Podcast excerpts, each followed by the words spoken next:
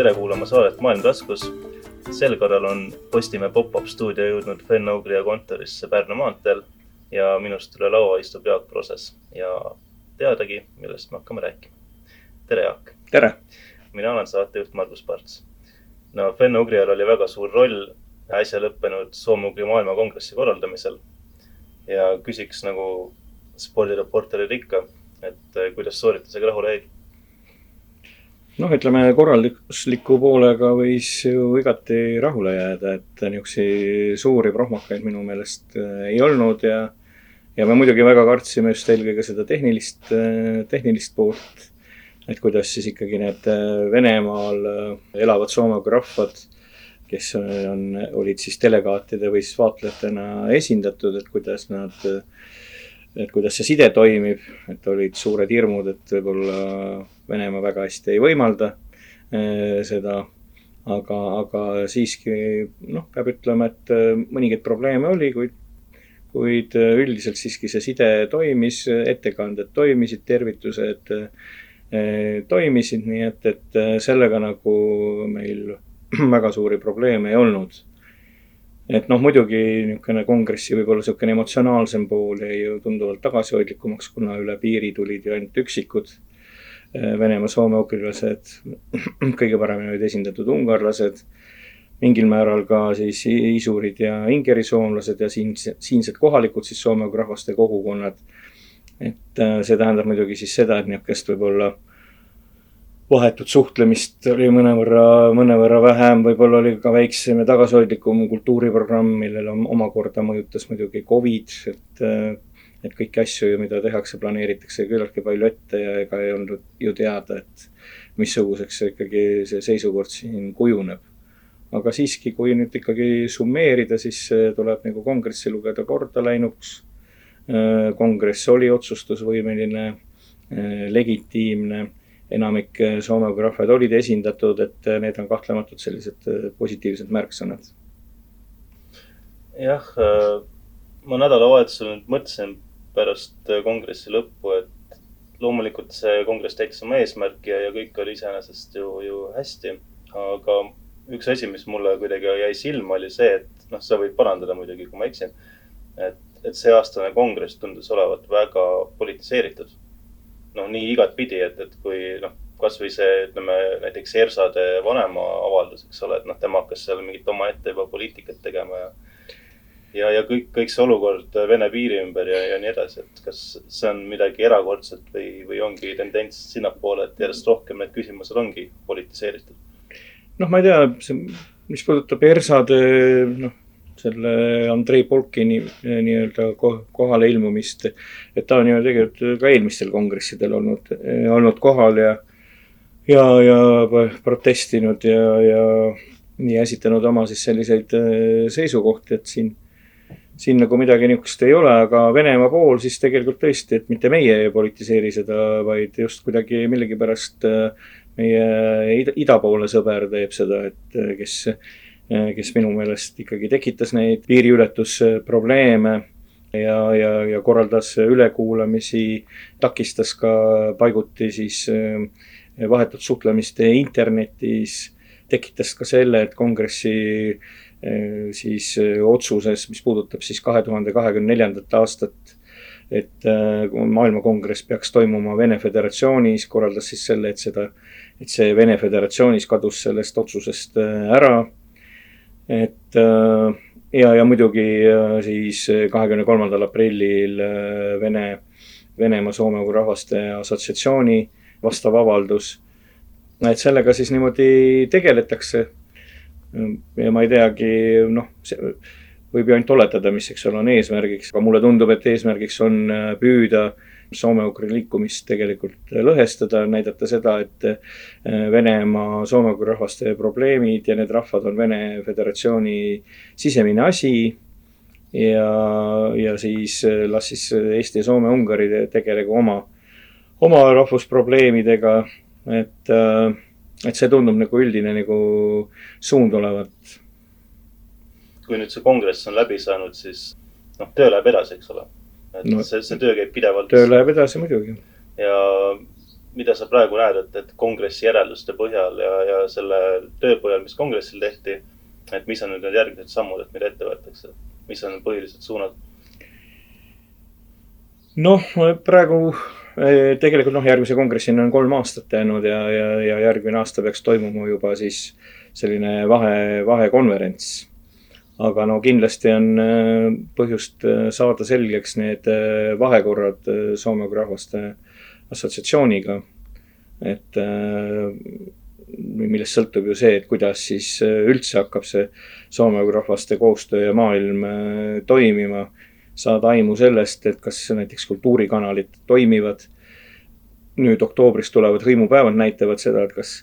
Vene Föderatsioon siis soosib sihukest ütleme folkloori tasemel kultuurivahetust või, või, või, või mitte. aga, aga kindlasti jah, et organisatsiooniliselt tuleb, tuleb siin, tuleb läbirääkimisi pidada, tuleb aru saada selleks, milline on siis ikkagi see, need vahekorrad siis selle assotsiatsiooniga et see on nagu minu meelest äh, niisugune põhi, äh, põhisuund. ja eks tegelikult noh, nüüd on ju konsultatiivkomiteel uus esimees, Dmitri Zaitsev-Haraka, kes on niisugune üsna võimekas selline isuri rahvusest jurist. tema, tema töö ja, ja tema teadmised võib-olla aitavad siis ikkagi kuidagimoodigi sillutada neid suhteid siis äh, selle soome-ugri rahvaste assotsiatsiooniga nagu ma õigesti aru saan, siis Stafuniga praegu suhted on ikkagi üsna noh, vaakumis, et sealt on tulnud mingeid avaldusi. jah, et Stafuniga on üsna, suhted on üsna vaakumis ja noh, eriti veel see Afuni siis see avalduse viimane lause, et kus nad ütlevad, et maailmakongressid kui senine soome rahvaste koostöövorm on ennast ammendunud ka tulevikus. mis näitab seda, et sa võid teha ükspuha mida nemad leiavad, et see, see kongresside aeg on, aeg on läbi. et eh, millest tegelikult tulebki välja mõnes mõttes ka see, see assotsiatsiooni siis nagu või, või ka Venemaa siis ikkagi välispoliitika niisugune seisukoht, et, et talle nagu ei meeldi niisugune Soome kui rahvaste piiriülene otsene koostöö. ta tahab kontrollida, et kõik väiksemadki Soome rahvaste liigutused äh, oleks nagu kontrolli all. ja seda näitab ka tegelikult Venemaa välisministeeriumi siis pressiesindaja avaldus laupäeva õhtul, kus ta siis ütleb seda, et, et Eesti pool on jällegi püüdnud politiseerida, näidanud Venemaa kultuuriministri seda kõnet ja tõlkinud selle eesti keelde, kasutades sõna enesemääramine. Et äh, see jutt oli siis keele ja kultuuri enesemääramisest. Ja siis jah, tõepoolest siin oli tõlkeviga, aga millest me räägime, keele ja kultuuri enesemääramine, et äh, siis suurele riigile ei meeldi, kui äh, Isur või Mansi määrab oma keele, see tähendab seda, et soovib mansi keeles rääkida ja mansi kultuuri arendada, et, et juba see on Äh, paha asi, riik tahaks määratleda ka ilmselt seda, et, et mis, missugune mm, võiks olla siis manside või, või, või, või vadjalaste keel, keel tulevikus, nii et, et noh, et see võtab ikkagi lausa nagu täiesti sõnatuks ja muidugi on vastuolus iga, igasuguste põlisrahvaste ja kõiksuguste deklaratsioonidega, mis on siis ÜRO poolt kinnitatud, nii et, et kahjuks, kahjuks on, on Venemaa niisuguses äh, välispoliitikas vot sellised, äh, sellised tendentsid, mis siis, kui nii, nüüd nii otseselt ikkagi, et mida me võime öelda, et, et me, me, me võime öelda seda, et, et Venemaal on väga tugevad need jõud, kes ei, ei soovi äh, Soome rahvaste sellist senise koostöö jätkumist sellistes vormides, mis olid kuni täna, tänase päevani väga kurb on näha, et tegelikult ju see lähenemine on ka nii-öelda hakanud vilja kandma. noh, nähes näiteks seda, et mõned rahvad üldse ei osalenudki, ei osalenud ka digitaalsel teel. jah, et see ja, ja tegelikult selle taga, mis veelgi kurvem on, et, et riik Venemaal, aga see on, see on juba traditsioon muidugi, rakendab niisugust repressiivseid niisuguseid tegevusi see tähendab, et ähvardatakse töökohast ilmajäämisega, ähvardatakse igasuguste ebameeldivustega neid inimesi, kes siis püüavad vähemalt ja, ja, ja võtsid osa, tähendab ka, kongressist, nii et, et see on ikka, ikka minu meelest ikka väga tõsised häirekellad selles suhtes, mis näitab nagu Venemaa üldse terve seda ühiskonna niisugust äh, poliitikat, et äh, ma ei kujuta ette, kuidas üks suur riik võib niimoodi käituda, see on nagu noh, uskumatu. ja see riik tahab olla veel suur ja tugev, tegeleb äh, siis sellisel kujul seitsmekümne, saja inimese, saja viiekümne inimese see näitab tegelikult mitte selle riigi tugevust, kes tahab olla USA-le või Hiinale või Äh, võrdne partner, vaid see näitab just niisugust ülimat nõrkust. Et äh, mis partner äh, see saab olla? see ei ole ju normaalne. ei no loomulikult, no et kui komid ohustavad kuidagi Vene Föderatsiooni julgeolekut, siis see on ju täiesti absurdne avaldus. no veel komid, komid, eks, aga ohustavad. Mida me nägime siis ju tegelikult äh, Leningradi oblastis, kus siis kogunesid äh, isurid, vadjalased, ingeri soomlased ja mansid, et koos võtta siis osa Soome rahvaste maailmakongressist, et nad ei saanud siis koguneda Ivangorodi, meie keeli Jaanilinna, eks, raamatukokku, kuhu täiesti ootamatult saadus remont. Ja see tähendab siis seda piltlikult öeldes, et Vene riik kardab isegi mansisi, kelle keelt räägib üheksasada inimest, vadjalasi kuuskümmend inimest, isureid, keda on kakssada kolmkümmend ja ingeri soomlase, keda on kaks tuhat. see on ikka noh, tõsine, tõsine lugu ja tõsine paranoia, see on juba diagnoos minu meelest kas me tahame natukene spekuleerida, et mis kõige selle taga võib olla, et lihtsalt, kas üldine, võibki öelda, et Venemaa on alganud vene rahvusluse ajastu ja, ja üritatakse asja lihtsalt puhtaks lüüa? no samas, eks me näeme tegelikult, et noh, Venemaa on selles suhtes huvitav riik, et ta nagu vene rahvuslikku šovinismi nad suruvad ka küllaltki aktiivselt äh, tegelikult tahaplaanile, et äh, igasugused barkašovlaste ja omal ajal limonovlaste kõiksugused niisugused äh, Vene marsid ja, ja nii edasi, need on ka tegelikult põlu all, et niisugune äh, šovinistlikku niisugust äh, Vene liikumist tegelikult ju ka surutakse tegelikult maha, et tegelikult Vene riigis käib niisugune aktiivne venemaalase mingi identiteedi nagu loomine. et kõik need rahvad, kõik, kõik kokku on nagu venemaalased, aga venemaalased muidugi räägivad nagu me uuest konstitutsioonist teame, kõik räägivad vene keelt. nii et see luuakse siis, kui omal ajal loodi siis nõukogude inimest, kes oli venekeelne ja nõukogude-meelne, siis nüüd äh, luuakse venekeelset, aga venekeelset venemaalast, kus siis rahvustel on tegelikult nagu teisejärguline roll ja domineerib siis selgelt venemaalase identiteet. et kõik rahvad on kokku Venemaa aga see, see, sellega on muidugi näidatud ära ka noh, vene keele, eks ole, asend ja, ja teiste keelte laialdane väljatõrjumine kõiksugustest äh, sfääridest, noh, eelkõige siis haridussfäärist. ja kui haridussfääriga umbes kümmekond või paarkümmend aastat niimoodi läheb, siis kindlasti kaob ära ka nendes keeltes äh, nii palju, kui seda veel on, niisugune tõsine professionaalne kultuur, olgu selleks siis äh, teater või, või, või kirjandus ja mingid muud valdkonnad, no lihtsalt enam ei ole inimesi, kes saavad äh, teatritrükist aru. enam ei ole inimesi, kes äh, suudaksid äh, komikeelset romaani lugeda. et siis on ju järgmiste käes nagu järg, et siin on nagu siis kaks nagu mõtet, mis siis tekib, et noh, üks asi, tõepoolest siis venemaalased EKE, mis on väga oluline. aga teine asi on ka see, et noh, riik saab ju kõvasti raha kokku hoida, tegelikult põlisrahvad ei ole sugugi odav, äh, odav lõbu ja, ja noh, ja Venemaal ongi võib-olla hea ütelda, aga no näed, kehtestate siin sanktsioone, aga kuskohast meie siis võtame need äh, rahad, et, äh, et neid rahvaid doteerida, tegelikult ju kõik need ja Venemaal on märkimisväärselt põlisrahvaste nimekirjas on ju viiskümmend rahvust, rääkimata veel muudest, et aga kus meie võtame selle ressursi, et maksta kinni nende, nende hobid, eks ole, rahvusteatri, kirjanduse ja, ja, ja muudes, muudes valdkondades. nii et siin on nagu mitu niisugust, mitu momenti kas nüüd ütleme riigiga soome-ugri rahvastel ja, ja laiemal maailmal siis üldiselt on üldse midagi väga teha selle olukorra lahendamiseks?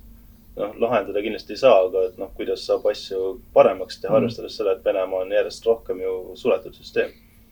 jah, Venemaa kapseldumine on äh, märgatav, eks ole, Soome-ugri liikumises, ega see maailmakongresside vorm veel maailmakongresside vormiks, aga noh, ennem on ju katkenud muudki vormid, et on see Soome-ugri rahvaste noorte assotsiatsiooni tegevus, soome-ugri rahvaste siis äh, noorte üliõpilaste IFUSCO konverentsid on katkenud, on siin muidki.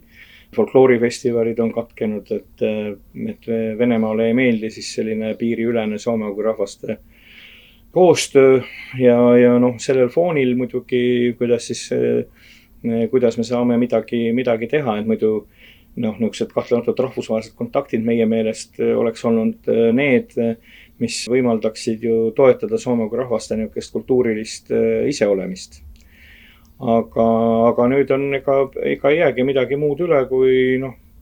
tuleb soome rahvaste probleeme hakata rohkem tõstatama rahvusvahelisel tasandil, et võib-olla seda ei ole piisavalt tehtud,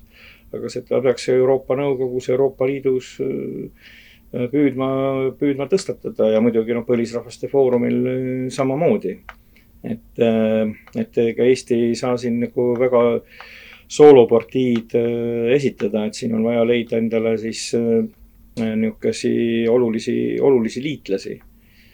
ja, ja muidugi üldse, et ilmselt see sügisel tulevad ka tõsisemad võib-olla arutelud, missugune on siis see Eesti niisugune poliitika nendes soome-ugri küsimustes, et väga võimalik, et on vaja siin on vaja ka leida niisuguseid uusi võib-olla mõtteid ja mingit teatavat niisugust äh, ühtsust ja, ja eks neid mõt-, mõtteainet siin nagu on üsna üksjagu. et hõimupäevadel hakkab äh,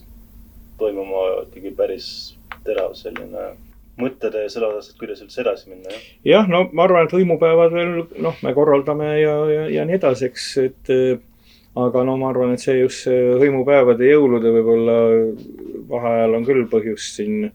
mõtiskleda selle üle, missugune see soome-ugri poliitika võiks olla äh, siis äh, tulevikus, et, et hõimupäevad äh, noh, lähtuvad praegu ikkagi no, välja kujunenud veel mudelist ja noh, mis puudutab erinevaid soome-ugri kultuurisündmusi siin Eestis Tallinnas ja Tartus mõne suurema niisuguse kontserdi näol ja, ja maa, maakondades väiksemate niisuguste ürituste näol. noh, konverents on teada, et tuleb äh, seda, sedapuhku hoopiski keskkonna, keskkonnaküsimustes, mis on tegelikult ütleme siis rahvusteülene tegelikult. aga äh, Venemaa äh, Föderatsioonis tegelikult võib-olla neid põlisrahvaid puudutab vahetumalt, kuna noh, kõik need reostused ja nii edasi, seal need põlisrahvad elavadki ja nemad tänu nendele erinevatele katastroofidele jäävad tegelikult oma nihuke nagu traditsioonilistest majanduspiirkondadest ju nagu noh, saavad kahjustatud, kui, kui need avariid ja katastroofid juhtuvad ja neid on praegu viimasel ajal aina rohkem ka juhtunud. nii et aga, aga siis peale seda kindlasti jah